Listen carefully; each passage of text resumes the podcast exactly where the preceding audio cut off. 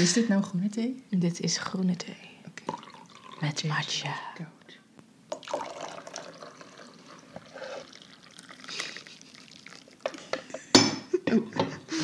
Mercy. Welkom bij de Impotsters podcast. Ik ben Pieter Nel. En ik ben Denise. Wij weten heel veel, maar denken dat dat niet genoeg is voor de professionele bedrijven die we al een paar jaar runnen. In deze podcast praten wij over ons impostersyndroom aan de hand van wekelijkse voorbeelden uit ons leven.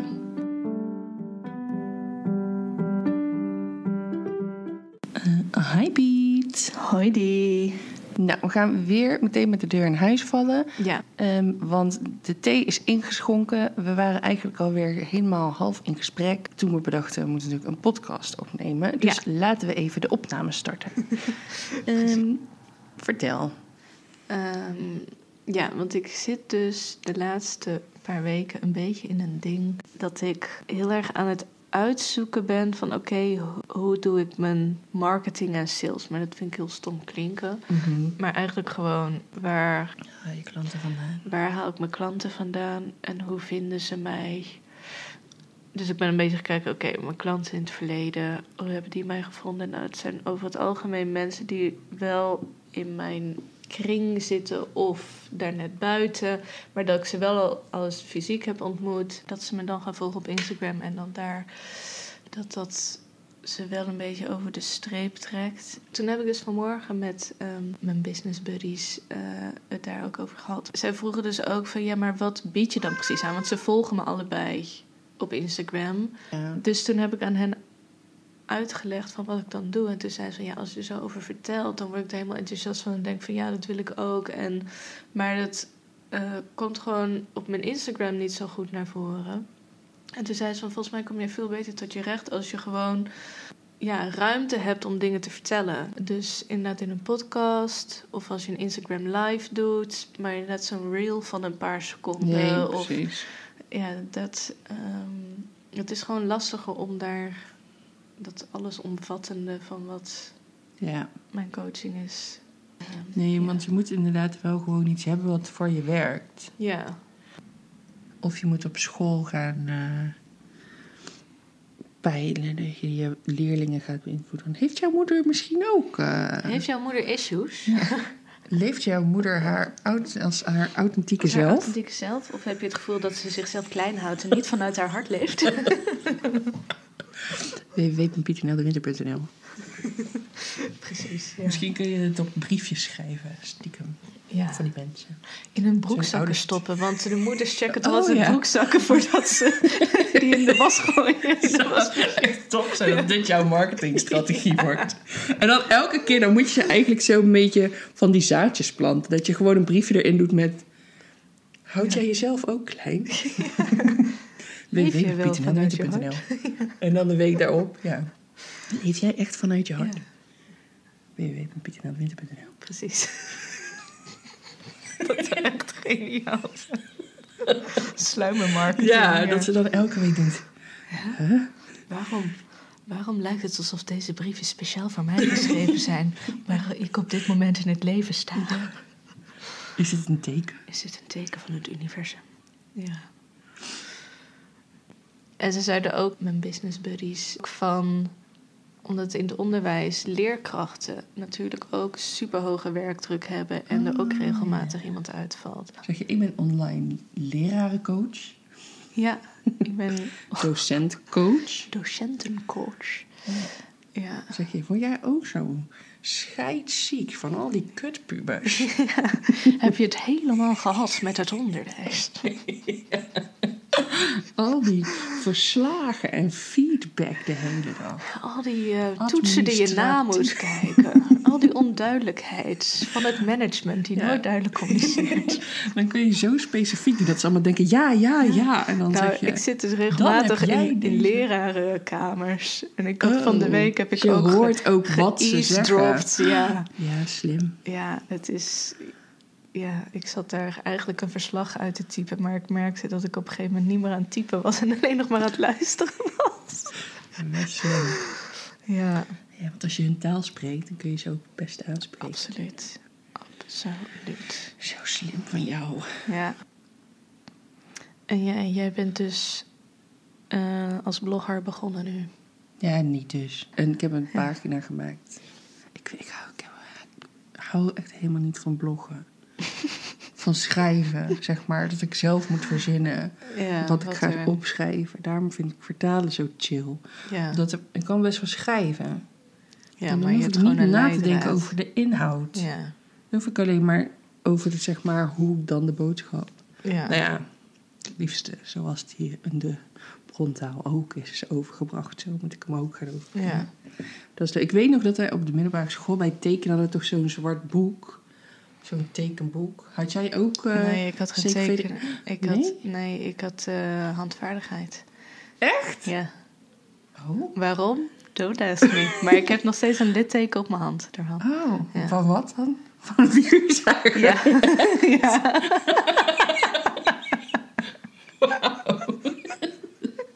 Oh.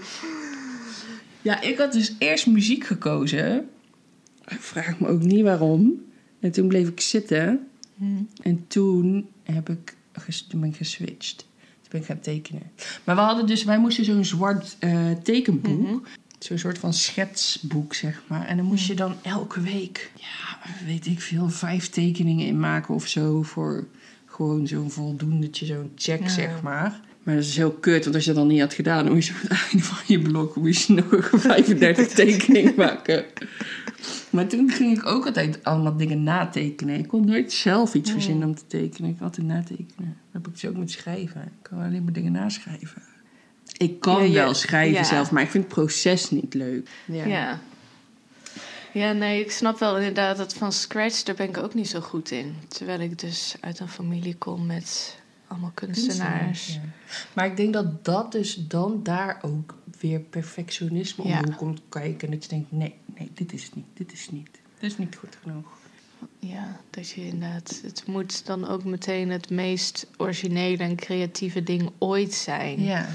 Maar ik heb ook wel vaak, als ik dan dus wel iets heb geschreven, dat ik ja, dus ook denk van... hmm, en dat iemand anders dan wel enthousiast is. Ja, Het is weer net wat je referentiekader is. precies. Het is een Ja. beetje de 80% regel. Ja, van jou, jouw ehm, Mijn 100%, 100%, is echt niet de 100% van iemand die nooit Nee, schrijft. die, zeg die maar. zegt dus mijn 500 procent. Ja, Ja. misschien. Of 105. 500.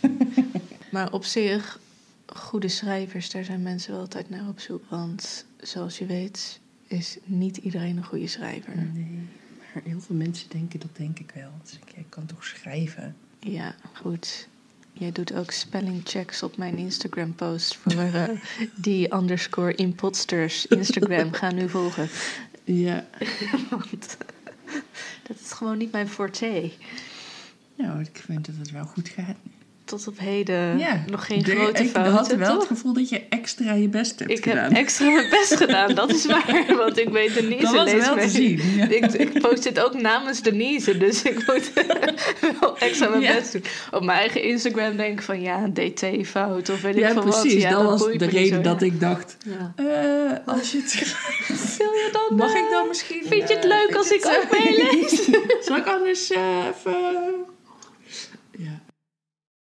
Maar goed, we hebben allemaal onze sterke punten. En het is dan vaak inderdaad belangrijker dat je iets doet. En dan dus die 80% regel. Dus super chill. Oké, zullen we maar eh, doorgaan naar de casus? Ja, We kunnen door naar de casus. en door. En door.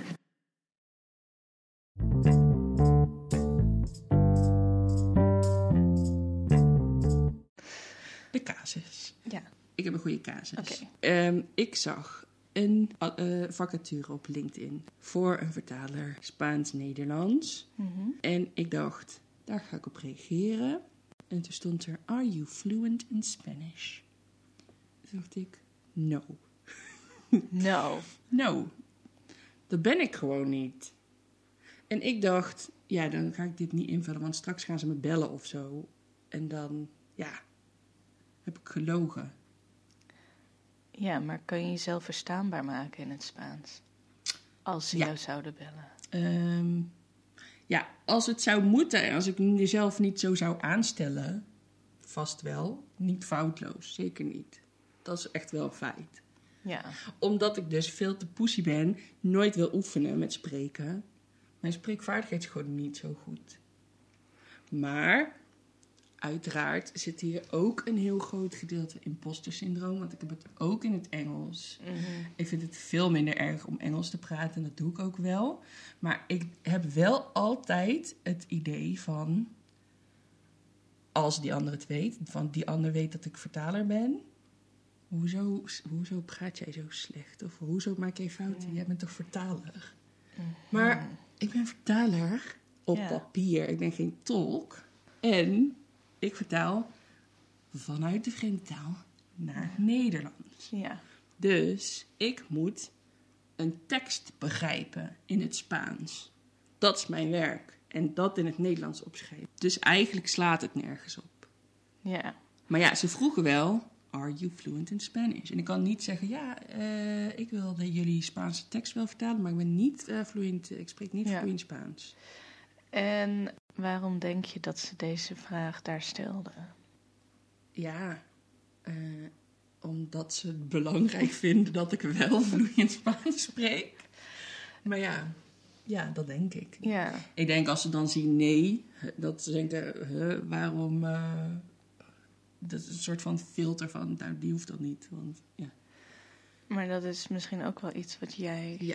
in je hoofd hebt bedacht. een aanname is dat. Maar toch heb ik het dus niet gedaan. He- wat heb je niet gedaan? Ik heb niet gereageerd. Ah.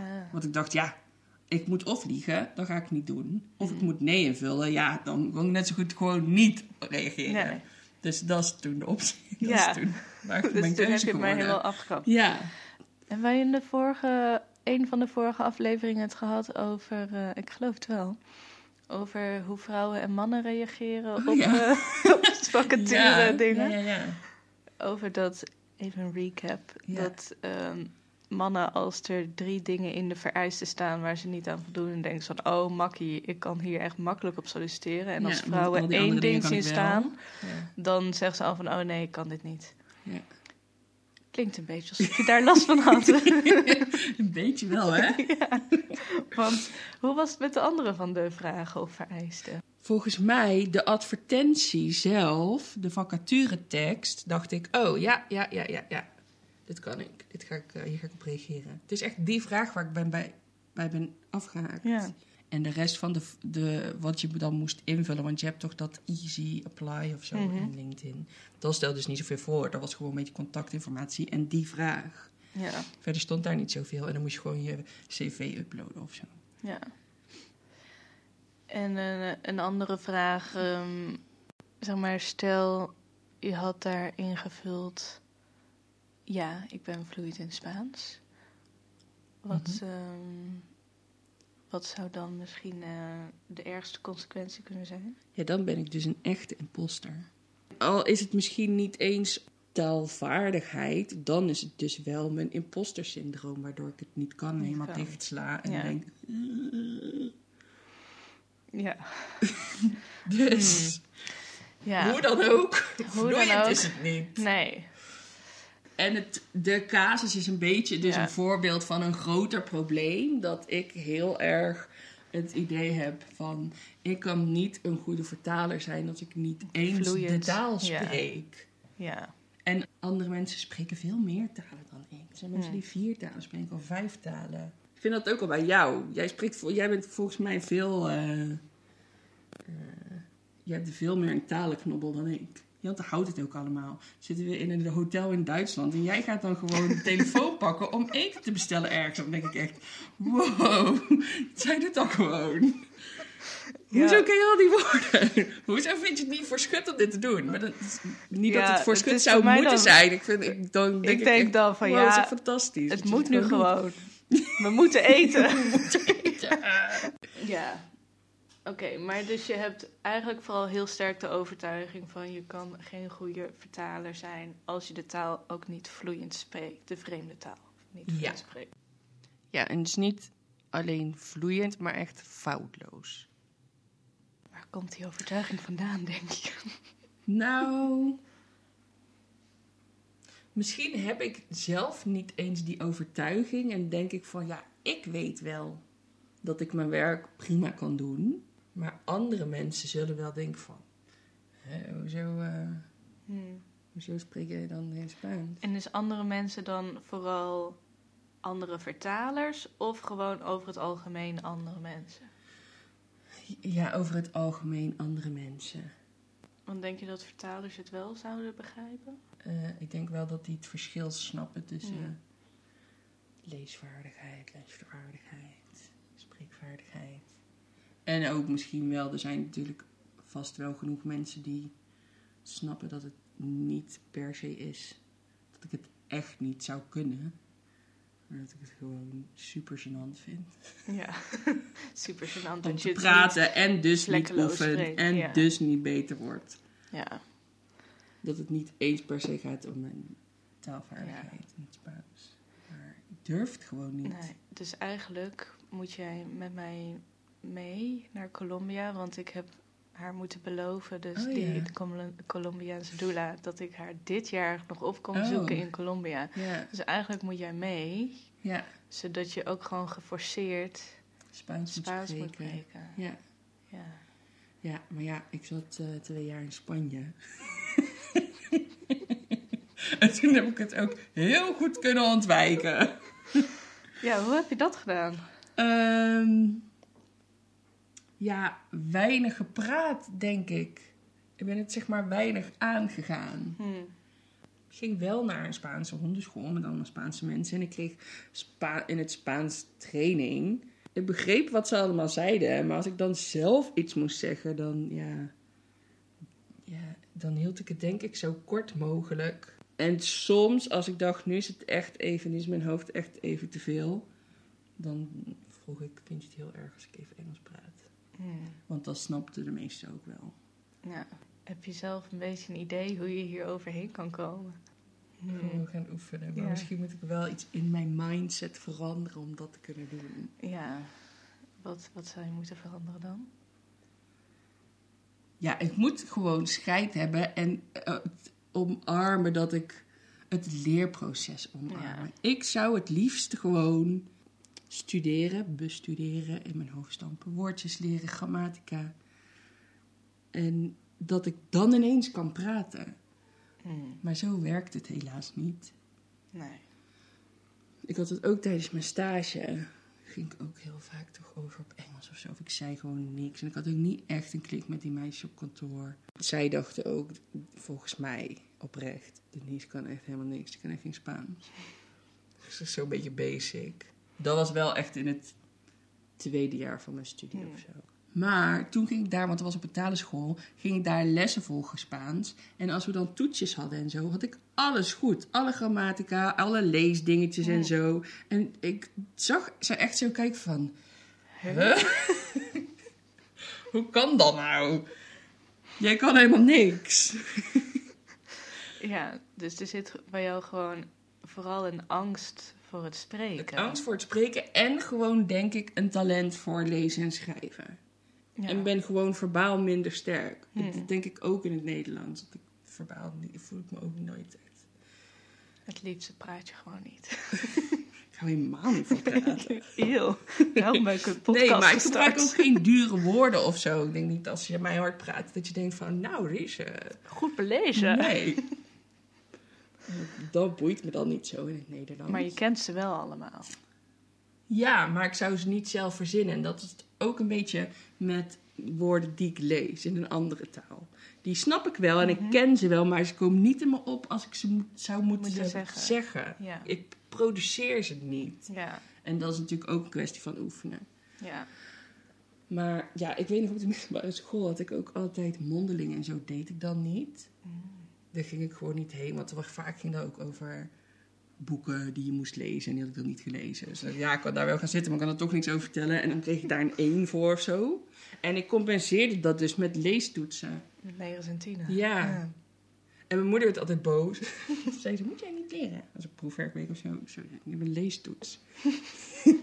ja, ik weet nog dat ze een keer heel boos heeft gezegd. Hoe kan je nou een tekst begrijpen als je de woordjes niet kent? maar ik, ja, ik weet niet. Ik Ja. pik het dan toch op de uit context. de context. Of Ja. toch genoeg woorden die ik dan op een of andere manier wel begrijp. Of, Ja. ja, dus ik denk dat ik daar gewoon best wel dan sterk in ben. Ja. Ehm, wat natuurlijk voor jouw vak perfect is. Precies. Ja. Dus gewoon over het algemeen in contexten kan jij de taal heel goed begrijpen. Ja. Maar dat is zo snel. Als ik dan vraag, oh, spreek je, spreek je dan vloeiend Spaans? Ja, moet ik dan zeggen, nee, spreek ik niet, maar ik kan wel heel goed lezen. Maar in de context, Als jij nu iets zegt, dan snap ik het wel. Ja. zeg maar wat. Oh ja, nee, dat snap ik.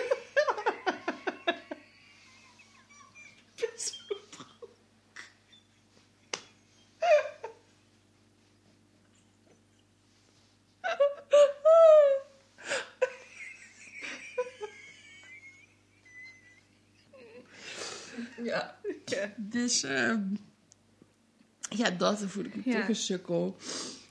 ja. En als we even de impostervormen erbij pakken. Ja. Is dit, ehm, welke impostervorm denk je dat dit met name aanspraak Eh, op maakt? nou, ik denk eh, perfectionisme. Mhm. Ik zou de andere vormen er even bij moeten pakken. Daar heb ik een hele mooie post gemaakt op onze Instagram.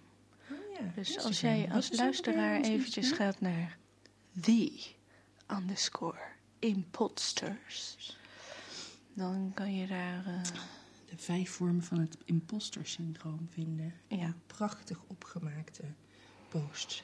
ja, in onze huisstijlkleuren. Wit, geel en roze. Ja, de perfectionist is het sowieso natuurlijk. Dat is wat ik net zei, dat ik dus eigenlijk gewoon het liefst heel hard dan wil studeren en dan in één keer vloeiend, Vloeiend. wil spreken. En de hele ontwikkelingsfase het liefst wil overslaan. Oh, nou, de superheld. Sowieso. Je ervaart overmatig behoefte om jezelf te bewijzen, wat met name komt doordat je bang bent om door de man te vallen. Ja, Dat is natuurlijk het imposter-syndroom. ja. Eh, waar ik ook aan eh, moest denken, wat ik soms wel eens met mijn eh, leerlingen gebruik. Want Mhm. je zei, je noemde onder andere ehm, dat je het liefst gewoon alle woorden en grammatica in je hoofd wil stampen en dat het dan vloeiend uitkomt. Ja. Ik moest aan de learning pit denken, die ik wel eens aan mijn eh, leerlingen voorschoot. Oh, zit je daar zo te even, ik bladeren? had even in Oh. mijn boek gebladerd. Wauw, dit Nou, kunnen hier- we posten op de socials. Ja, dit hier kan je visuele ondersteuning voor deze podcast. Mhm.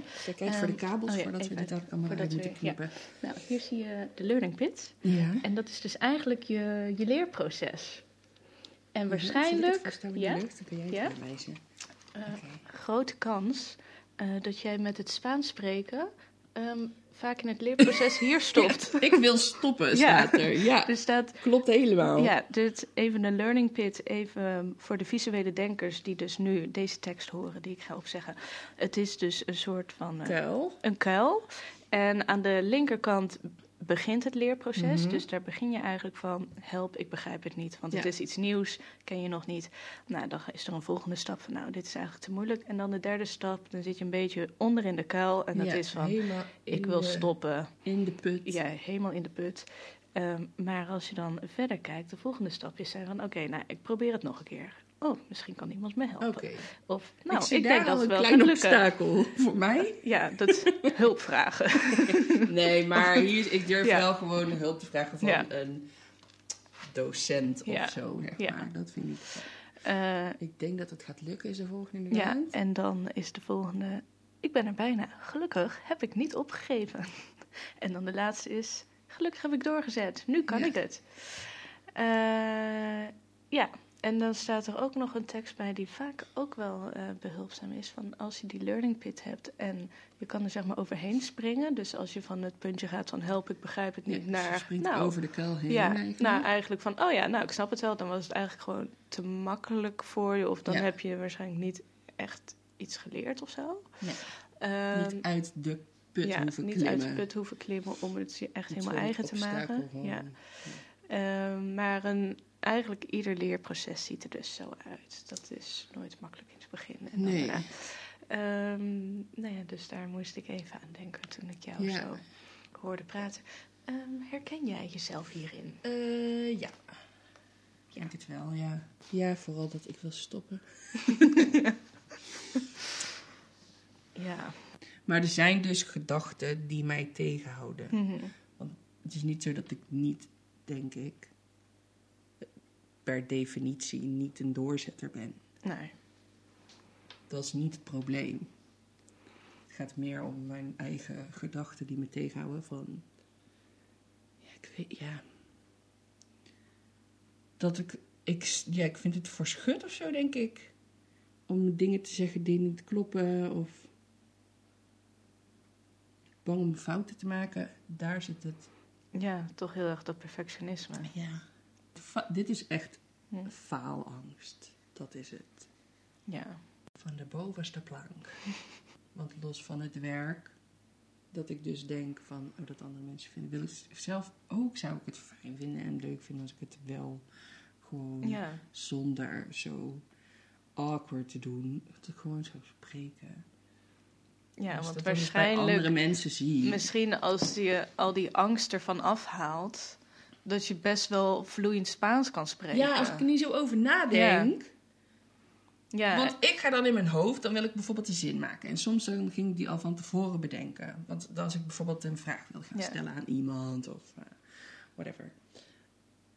Of dan, als je dan in een gesprek zit, dan ging ik denken. En dan ging ik twijfelen bijvoorbeeld over een woord. Van, is dit wel het juiste woord? Hm. Of is het, kan ik dat wel in deze context gebruiken? Of met een vervoeging van een werkwoord. Moet dan deze tijd gebruiken of een andere tijd? Is dat, hoe zat het ook alweer? En dan dacht ik, nee, dat klopt volgens mij niet. Als ik dan ga twijfelen, dan durf ik het niet meer te zeggen. Want dan denk ik, ja, straks zeg ik iets dat niet goed is. ja. En dan krijg je dus dan zo... eh, eh, eh, ja, dan ga je in je negatieve spiraal denken zitten en dan komt er niks meer Ja, maar uit. hoe, Ja. ja. hoe ongemakkelijk is een gesprek als iemand anders niks zegt? Ja. Of dat die echt helemaal niet uit zijn woorden komt. Ja. Of ja, het is zo erg in mijn hoofd. Dus ik maak het alleen maar veel erger. Het zou veel minder ongemakkelijk zijn als ik iets raars zou zeggen. Of iets wat niet eens. Het hoeft niet eens raar te zijn. Waarschijnlijk is het meestal 9 van de 10 Ja. keer niet raar. Soms misschien een keer wel per ongeluk. Maar gewoon fout. Gewoon niet correct. ja. Het is veel minder ongemakkelijk dan wat ik nu doe. Ja, precies. Net zoals dat mensen die Nederlands leren en die en dat constant eh, verkeerd gebruiken. Ja. Ja. daar kijken wij ook absoluut overheen. En dat corrigeren we zelfs volgens mij ook nauwelijks, omdat we gewoon Ja. precies weten wat ze bedoelen. Ja. En Dat soms, dingen, of misschien wel vaak hoor je het als, als je het zegt zelf ook. Van, Ja. oh ja, dat was niet waar. Dat Ja. klopte niet. Ja, dus eigenlijk. En dat vind ik dus ook met jou. Dus als je dan in Duits eten gaat bestellen. Of ja, ik heb nog een vriend, David. Die hm, heeft ook zoveel scheid. Die doet het gewoon. Die gaat gewoon praten. Die spreekt geen Spaans. Met al die dingen door elkaar gaat hij in Spanje gewoon praten met mensen. En dingen bestellen en weet ik veel. Hij doet alles in het Spa Spaans. Ja, En ik hoor dan wel of zijn uitspraak is beetje Italiaans of zo, weet ik veel. Of hij gebruikt Ja. een Italiaans woord. Maar die mensen snappen hem en die, ja. Dan denk ik, Dat ja, soort- waarom doe ik dat dat niet? soort mensen heb ik. heb ook een vriendin die dus eh, in enorm veel talen weet hoe je moet zeggen: Ik ben zwanger. Oh, wauw. En dat heeft ze dan dus ook. Dat vraagt ze dan aan native speakers of als ze in zo'n land is Ja. van op dat? een of andere manier weet ze dan dus voor elkaar te krijgen dat ze dus kan duidelijk maken of misschien dat ze het wel in het Engels vraagt, I don't know. Maar, maar dat leert ze dan dus ook allemaal uit haar hoofd. En dus toen ik naar Ja. Griekenland ging, zei ze dat ik, heeft ze mij het zinnetje geleerd. En ik wist, ik wist bepaalde woorden uit dat zinnetje, dacht van, oh ja, dat is dit. Mhm. En het is dus Ime egios metidissima. En dat betekent dus, ik ben zwanger van een tweeling. en dat heb ik dus pas geleerd, wat dat precies betekent toen ik in Griekenland was. Maar dat zinnetje kon ik al zeggen, want dat had ze aan mij geleerd. Wauw. Ja, dat is toch gewoon grappig. Je kan zoveel meer leren. Als je zo open daarin staat, zeg Ja. maar. Ik denk dat het ook best wel zit van, en wat jij ook wel noemde, van, van dat je dus ook een beetje bang bent om de reactie die mensen hebben als je ze recht voor ze hebt, als je Spaans met ze praat. Ja. Omdat er natuurlijk ook een ding zit van, we zijn van oorsprong zijn we kuddedieren. Ja. Dus het, en ons hele overlevingsmechanisme is erop gemaakt van dat we in een groep moeten zijn, want dan is de grootste kans van overleven. Ja. Dus we moeten bij die groep blijven horen. Ja. En dus als jij eruit valt omdat, jou, omdat jij een verkeerde werkwoordvervoeging hebt gebruikt, ja. ja, dan betekent dat gevaar. Dus je hele lichaam schreeuwt dan: help, we gaan straks dood, want we hebben een verkeerde werkwoordvervoeging gebruikt en dan vallen we buiten de groep. en Ja, want waar meer word je op getraind al die jaren op school met je mondelingen en zo? Ja, dat je het als je perfect het doet. ja, als je ja. fout maakt. Dan word je erop afgerekend. Ja. Ja, ik denk dat wij als volwassenen gewoon heel veel dingen weer moeten afleren die ons vroeger zijn aangeleerd. absoluut. Volgens mij draait daar de, ons hele volwassen leven om. Afleren wat we als kind hebben aangeleerd. Ja, Ja. Dingen die ons niet meer dienen in ieder geval. nee, precies. Je kan blijven lopen. Die ons gewoon heel erg in de weg zitten. Ja. Dat je denkt, waarom hebben we dit zo ooit geleerd?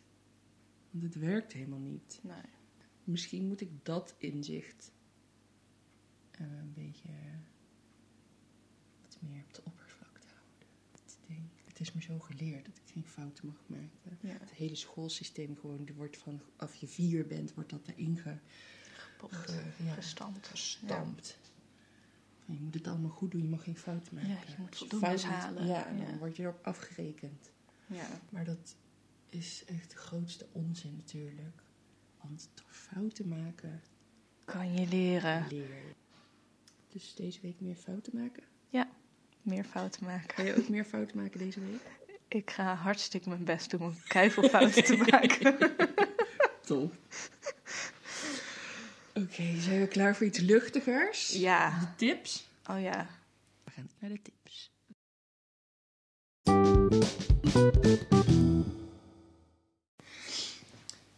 Wil jij eerst jouw tip delen? Ja.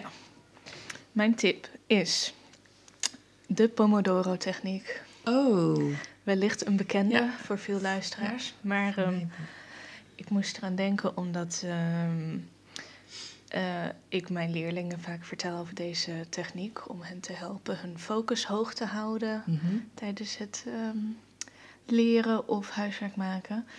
En eh, dit toch vaak wel de favoriete methode is van leerlingen. Van, dan heb ik ze een aantal weken begeleid en dan soms het enige wat ze daarvan meenemen is de Pomodoro-techniek. Ehm, maar dat houdt dus in dat je 25 minuten werkt en 5 minuten pauze neemt en dat herhaal je drie of vier keer en dan heb je een wat langere pauze. Ehm, maar het helpt je dus omdat eh, gemiddeld gezien je concentratie na 20 minuten helemaal wegzakt. Mhm. Dus het houdt je om je concentratie hoog te houden, omdat je dan na 25 minuten dus een pauze neemt. Ga je even iets anders doen, een rondje lopen, wat te drinken pakken. Ja. Ehm, en dan werk je weer. En het helpt je ook, ehm, en zo zet ik hem ook vaak in als ik klusjes moet doen, zoals verslagen schrijven of dat soort dingen waar ik helemaal geen zin in heb. eh, dat het me helpt van, oké, in deze 25 minuten ga ik dit doen. Dan wil ik deze twee verslagen af hebben bijvoorbeeld. Mhm. Ehm, dus dan zet ik voor mezelf dat doel van... oké, in deze 25 minuten ga ik dit doen. En dan weet ik gewoon van... oké, het is gewoon 25 minuten... moet ik eventjes hard Ja. eraan werken... maar dan ben ik er vanaf. Precies. Ehm, dus het helpt en met je concentratie hoog houden... en eh, dus vooral mijn tip om het in te zetten... als je klusjes moet doen of dingen moet doen... Ja, waar, je, dingen. Ja, waar je niet zo naar in uitziet... of die je lastig vindt om te doen... Mhm. Ehm, gewoon even 25 minuten Spaans spreken met iemand. dan ben je er vanaf. Ja. Dan vijf minuten Ja, vijf minuten. Instagram. Ja, precies. ja. Dus ehm, de Pomodoro-techniek. Ja, ik ben wel fan ook van de Pomodoro-techniek. Ja. Ja, ik ga heel snel tussendoor andere dingen doen. Dus inderdaad, Ja. ik, voor de concentratie, dat ik dan weet van nee, dadelijk mag ik vijf minuten Ja. op eh, Instagram. Precies. Nu even doorwerken. Nu even doorwerken. Straks mag ik weer die andere website openen. En, Ja. Nou ja. Goeie tip. Ja. Er zijn toch nog best wel veel mensen volgens mij die dit niet kennen. Nee, zou heel goed kunnen. Dus, Dus kende jij deze tip nog niet? Ga dan naar onze Instagram-pagina. Ja, vinden we leuk. Oké, goeie. Eh, mijn tip bedacht ik eigenlijk naar aanleiding van eh, de aflevering van vorige week. Ehm, waar jij op een gegeven moment voor de tweede keer een gesprek had met die mevrouw. Ja. En je nog even bij haar benadrukte Wat dat jouw leerlingen, was. Ja. nee, dat jouw Oh, ja. leerlingen hadden gezegd dat ze jouw training fijner vonden dan de andere. Ja. En toen dacht ik, ik deed heel lang, dus nou al een tijd niet meer, met eh, Koen een opschepmomentje. Ah, nice. Gewoon op WhatsApp stuurden we dat dan Ja. elkaar. Van, ik, heb even, ik doe even een opschepmomentje. Ja. En dan zeiden gewoon iets van onszelf, wat we hadden gedaan, waar we trots op waren. Ja. Dus ik kon zeggen van, eh, ik ben net naar de sportschool gegaan ik heb, eh, weet ik veel, dit en dit gedaan. Ja. Of gewoon überhaupt, ik ben net naar de sportschool Ja. geweest. of het waren gewoon hele simpele dingen vaak. Ja. Waar we of geen zin in hadden, of waar je echt even voor moest doorzetten, of eh, ja, weet ik veel. Het is wel iets waar je dan eigenlijk ook stiekem best wel goed over voelt, maar Ja. dat je denkt, ja, moet, Moet ik ik nou nou echt heel trots delen? zijn op Ja. mezelf dat ik een keer een wandeling heb gemaakt? Ja. Eigenlijk zou ik dit gewoon elke dag moeten doen, maar stiekem vind ik het toch wel goed van mezelf. En dan doe je gewoon even een opschepmomentje. Ja. Dus kies één van je allerbeste vrienden uit. Ja. En- of allemaal, zeg Of tegen allemaal. iedereen Maak er een groepchat eh, van. Ja. ja. Met trotsmomenten. Ja, dus deel je opschepmomentjes. Ja. Want je mag best wel eh, trots zijn op jezelf om Ja. eh, hele simpele dingen. Of Precies. hele ingewikkelde dingen. Maakt niet uit. Maar Deel je geluksmomentjes. uit. Ja. Want ik denk dat het ook goed is dat je hoofd het ook beter onthoudt. Ja. Dat je niet alleen de negatieve dingen onthoudt, maar ook dat je denkt, ja, dat was eigenlijk heel goed. Ja. Dat je even extra bij stilstaat. Precies. En het ook nog tegen andere mensen vertelt. Ja. En dat die dan ook tegen jou doen. Dus dat er een soort zo van hele positieve vibe Ja. ontstaat. Opschep. Het opschepmomentje, dat is mijn tip. Heel goede tip. Ga ik toepassen. Jij krijgt van mij deze week een opschepmomentje. Goed, In de dus app. ik zal hem ook weer gaan Ja. introduceren Ja. bij Koen. En als je wil, ook bij jou. Ja, graag. Oké, top.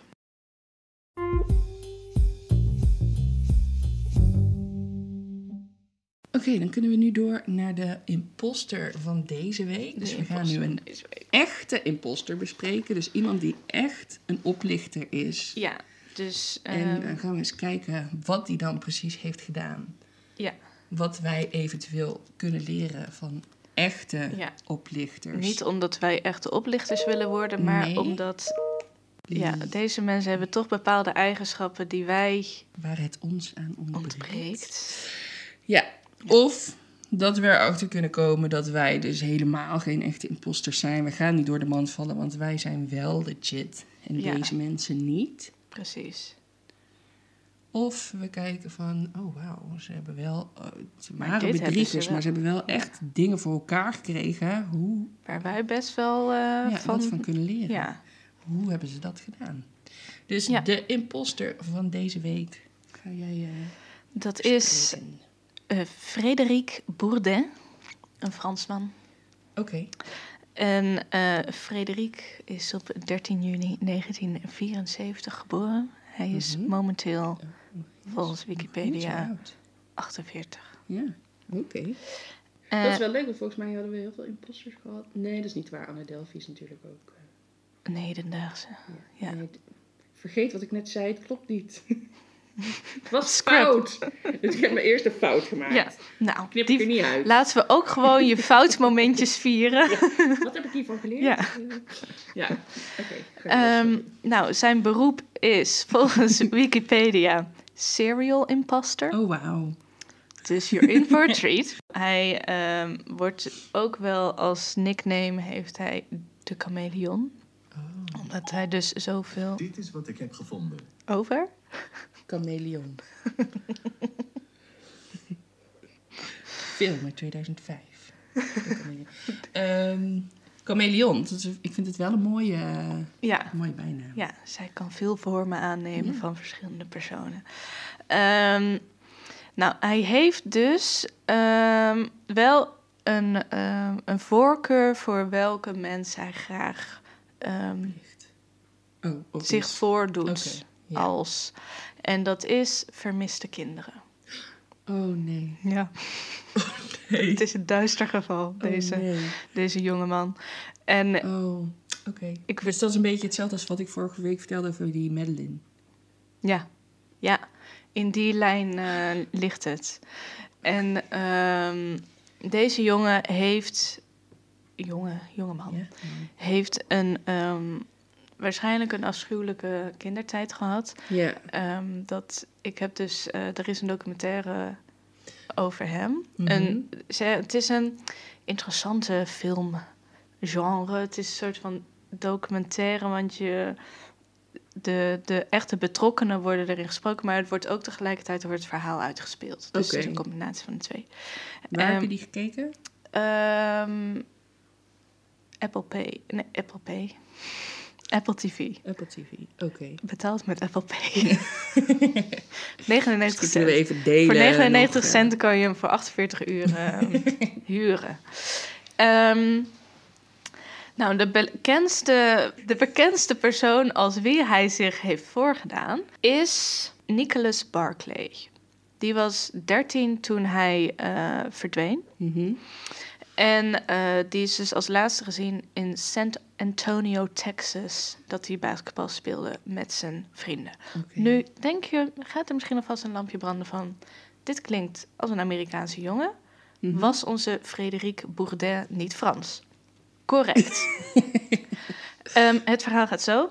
Ehm Frederik, die nou, verschillende eh, verschrikkelijke kindertijd gehad. Dus ehm, zijn ding was, want dat heeft hij dus verschillende keren gedaan, is dat hij dus zich voordoet als een ehm, ja, weggelopen eenzaam kind. Die wordt dan dus eh, gevonden door de politie of iets en dan wordt hij naar een weeshuis gebracht. Ja. Of naar in ieder geval zo'n En hoe oud jeugdinstantie. was die toen? Ehm, toen hij zich voordeed als een 13-jarige jongen, die toen volgens mij al wel drie jaar vermist was, dus rond de 16. Oké. Toen was Frederik 21 of 23. Hij was begin 20 en hij deed zich voor als een tiener. van 16, oké.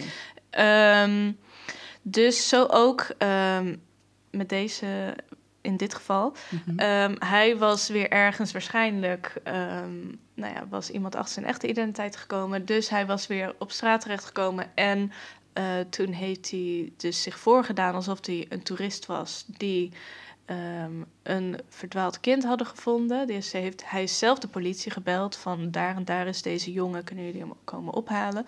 Politie is gekomen en hij kon dus heel goed zich fysiek voordoen als een tiener en heel erg teruggetrokken, nauwelijks iets zeggen en bangig doen. Mhm. Toen is hij dus naar zo'n jeugdinstelling eh, of naar een weeshuis gebracht. Ja, volgens mij een soort van jeugdinstelling meer. En ehm, daar zijn ze dus toen hem gaan vragen van... ja, maar wie ben je dan? Waar kom je vandaan? Bla. Ehm, en eh, toen op een gegeven moment zijn ze volgens mij... ehm, een soort van gaan dreigen van... Nou ja, als je nu niet vertelt wie je bent... dan moeten we je vingerafdrukken nemen... en dan zoeken we je- in het systeem op of drukken. Nou, dan zou natuurlijk naar voren komen wie Ja. hij echt was... en dat Ja. hij wel gewoon ouders heeft en dat hij oplichter 23 is. Ja. Ehm, dus dat wilde niet, die, die, niet. Dus toen heeft hij gezegd: Ik ben Amerikaans en ik weet eh, wel wie mijn ouders zijn. Eh, en ik wil ze wel graag zelf vertellen van dat ik weer terecht ben, zodat ik terug naar Maar dit kan. was in Frankrijk dus Dit was in. Spanje, Oh. trouwens. Ja. Oh. Dus hij was in Spanje terechtgekomen. Uh-huh. En dus toen heeft hij gezegd, maar er is een tijdsverschil, dus ik wil graag dan vannacht mijn ouders bellen. En toen heeft hij dus toestemming gekregen om in het kantoor van dat, de jeugdinstantie de nacht door te, door te brengen. Toen heeft hij in de systemen daar, heeft hij dus telefoonnummers gevonden van eh, nou ja, lokale politieagenten die zich bezighouden met vermiste kinderen en zo Uh-huh. door heel Amerika. Die heeft hij allemaal gebeld. eh, net zolang totdat hij dus iemand had die eh, zei van... nou ja, wa- wat je zo omschrijft. Want hij deed zich dan voor alsof hij dus een jeugdwerker was... of iets dergelijks, of van de politie. Ja. Ehm, en zeiden van nou, ik heb hier deze jongen... en die ziet er zo en zo uit en dat en dat. En hij is zo oud. En eh, dat hij Maar dan dus... omschreef hij zeg maar zichzelf of Ja. zo. Ja. Ja. Eh, of, En dan om, ja, op zoek naar iemand die op hem leek. Ja. Eh, nou, niet eens Of- qua uiterlijk, oh. maar gewoon meer van... ik heb hier een kind en die is eh nou ja, zoveel jaar vermist... en hij dus doet zich zo en zo. Nou ja, toen op een gegeven moment had hij dus iemand aan de telefoon die zei van... nou, ik heb even in ons systeem gekeken en ik zie inderdaad dat... eh, drie jaar geleden is eh, Nicholas Barkley is vermist. Ja, het zou wel hem kunnen zijn. Dat klinkt wel heel erg naar. Toen zei hij van, nou, stuur een fax om te laten zien van... eh, dan kan ik even kijken of ze qua uiterlijk overeenkomen. Mhm. Nou, die kwam dus door de printer zwart-wit. En hij dacht van, nou ja, dit moet ik gewoon worden. Dus hij heeft gezegd van, ja, nee, dat is hem. Dus de volgende ochtend komen de Spaanse eh, jeugdwerkers en weet ik wat, Mhm. komen allemaal terug. En hij zegt van, nou, hoi, ik ben Nicholas Barclay, ik heb mijn ouders gebeld. En eh, dus inmiddels was... ehm, ook in Amerika alles in gang gezet van wow, deze jongen is teruggevonden. Helemaal in Spanje, daar is hij ontvoerd. Hij heeft dus een heel verhaal opgehangen van Mm. eh, nou ja, in ieder geval. Het komt zover dat dus de zus van Nicholas Barclay... die komt naar Spanje om hem op te halen. Mm. En hij, inmiddels heeft hij door van... Nicholas Barclay is blond met blauwe ogen. Hij is Frans met donker haar, donkere ogen. Ehm, hij lijkt dus eigenlijk gewoon niet op deze jongen. Nee. Dus hij gaat zijn haar verven, blonderen. En ehm, die zus komt. Die is super blij om hem te zien. En ze nemen mee naar Texas. Dus het, hij heeft ook dus allemaal officiële mensen overtuigd. ja, Eh, er is een was. rechtbank en alles aan te Oh, pas gekomen. Hij heeft, zeg maar, dat hij foto's moest aanwijzen van wie dan familieleden zijn, dat soort dingen. Ja. En dit Ehm, was dan zeg maar rond... in- Even kijken, in 1997 heeft hij dit gedaan. Oké. Nee, Ja. ik zat even te denken met DNA-techniek en zo. Ja, In welke tijd, ja tijd dat zitten we? volgens mij wel al ja, ik weet niet zo goed, Nou maar... Eh, anyway, dus hij gaat gewoon mee naar Amerika. Familie super blij om te zien. Allemaal wow, wow, wow. Dus hij gaat bij die familie weer in huis wonen. En die familie die neemt hem gewoon op alsof hij inderdaad alsof de vermiste is. zoon Oh, is. En alles. Nou, die documentaire is dus heel interessant. Zou ik het verklappen hoe het allemaal is gegaan? Ja, ik ben wel benieuwd. Ja, het is, die documentaire is dus ook een beetje duister. Want eerst denk ik van, oké, deze man... Zeker. Hij doet dit gewoon omdat hij eigenlijk bij een familie wilt horen... waar Ja. hij gewoon geliefd is. Mhm. Hij wil gewoon geliefd zijn. En natuurlijk ouders die een hele leven eraan toewijden... om een vermist kind terug te vinden... dat spreekt van heel veel liefde. Dus hij Ja. wil gewoon bij zo'n familie horen en gewoon geliefd zijn. Maar hij komt daar aan en eh, hij wordt dus wel warm onthaald. Maar hij merkt ook van ja, er zijn wat dingen die dan een beetje raar zijn. Dus er is volgens mij een stiefzoon, geloof ik, of een halfbroer. Een halfbroer. Die het helemaal niet echt gelooft dat hij het echt is. De rest van de familie die is helemaal overtuigd van ja, dit is hem. Maar die, die halfbroer die heeft iets van... Ja, die komt hem ook maar één er keer niet. opzoeken... en het enige wat hij tegen hem zegt van... nou, veel succes. Hmm. Ehm, en ehm, dus hij begint rare dingen daar te ontdekken. En dan ehm, komt hij eigenlijk een beetje tot de conclusie van... deze jongen, die Nicholas Barclay... volgens mij is hij gewoon door zijn familie vermoord. Ja. Oh. En er is een private detective die ook iets heeft van deze jongen, die nu zegt dat hij Nicholas Barclay is, daar klopt iets niet. Nee. Ehm, maar de hele FBI en alles is hierbij betrokken. Dus hij heeft echt heel veel mensen op super hoog niveau, heeft Ja, hij gewoon overtuigd. bedrogen. Ja. Ja. Ehm, maar die private detective die heeft dan inderdaad op een gegeven moment... nou, dit klopt gewoon niet. En eh, die zet dan dingen in gang... waardoor dan de FBI inderdaad volgens mij inderdaad DNA-testen en zo gaat Mhm. doen. En dan komen ze erachter van ja, dit is... En dan komen ze dus achter zijn eigen, zijn echte identiteit... en dat hij dus door Interpol wordt gezocht... omdat hij dit dus al zo vaak heeft gedaan. Hij heeft dus in Ja, want ik Europa... wou zeggen, hij, zei dat hij het vaak heeft Ja. gedaan. En, eh, Ja, dus even kijken. Ehm, volgens mij zelfs toen hij... Hij is dus toen gevangen gezet in Amerika... om voor zes jaar. En toen hij vrij kwam... is hij naar Grenoble in Frankrijk verhuisd. En daar heeft hij zich voor, weer voorgedaan als een 14-jarige jongen... die eh, vermist werd sinds 1996. Ehm, en in 2004 heeft hij dat ook weer gedaan. Dus hij heeft het daarna nog vaak gedaan. Maar daarvoor heeft hij het dus ook al zo vaak gedaan... dat Interpol al naar hem op, zoek wa- Ja. op zoek was. En dat heeft hij dus volgehouden tot aan 2007. Toen is hij getrouwd en sindsdien niet meer. oh, want nu heeft hij zijn eigen familie. Nu heeft zijn eigen familie, zijn eigen kinderen, ja. Ja. Maar, eh, maar, de, Maar eh, zijn ze er nog achter gekomen of zij echt hun eigen kind hebben vermoord? Nou, volgens die documentaire is, hebben ze, zijn ze daar nooit achter kunnen komen. Het is dus ook een beetje dubieus, want dit komt wel van Frederik. Frederik Ja, die heeft dus ja. gezegd van ja, volgens mij heeft die familie hem gewoon vermoord. Ja.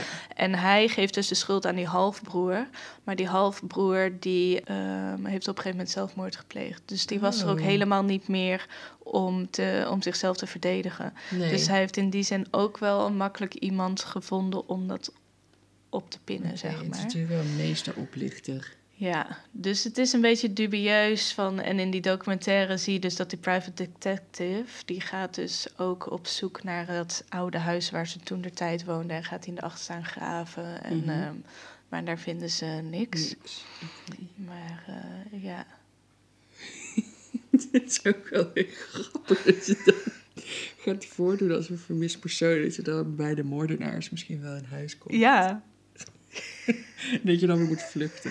ja, en dat je moet vluchten van ja, de familie... waarvan je eigenlijk zegt dat je daarbij hoort... maar Ja. niet bij hoort. Ja. Oh, ze zeiden het toch niet, want ze hadden mij vermoord. Was ik even vergeten. Ja, ik was even vergeten dat ik eigenlijk ben vermoord. Ja. ja, dus... ehm, Wauw. Het is de- ook wel weer heel zielig natuurlijk. Ja, Dat hij dat zo graag... het is eh, heel zielig van... Gewoon Ja, op zoek naar een thuis. ja, dat het gewoon op zoek was naar love and affection. Documentaire is een aanrader. Het, die Ja. heet eh The Imposter. Oh, toepasselijk. En, dus, ehm, en die heeft dus ook verschillende prijzen en zo gewonnen. En, eh, Oké. nou Ja, het klinkt ook wel echt als een goed verhaal voor een film. ja, Als je niet zou weten dat het echt is, dan zou je denken, Ja. het is gewoon een film alleen. ja. Ja, dus wat kunnen wij leren van eh Frédéric Bourdain? Nou, ik weet niet of ik iets wil leren van Frederik. Misschien dat je zelf je geluk moet creëren. Je moet je gewoon ergens anders In therapie vinden. gaan als je het gevoel hebt dat je, dat je love je je affection moet mist. voordoen als Ja. een vermiste tiener. Ja, precies. Ja, Want als die daarna nooit meer heeft... Misschien is die echt helemaal gelukkig getrouwd nu... en heeft hij Ja. precies wat hij wilde. Maar ja, Ik hij wist gewoon niet hoe hij dat moest eh, krijgen. Ja, voor zichzelf we, zou je dat regelen. van hem kunnen leren? Als je je voordoet als een vermist kind... check dan Eerst of het niet toevallig door zijn ouders is vermoord. ja. dat Voordat is heel daar in goed. huis gaat wonen. Een wijze les. ja. Ik denk dat ik het daarbij laat. ja. Oké, nou dat was hem weer voor eh, deze week. Ja. Ik vond het eh, ja, fijn om je te verwelkomen in Den Haag. Ja, ik vond het gezellig. Ja, Volgende week weer een nieuwe. tot volgende week. Tot volgende week.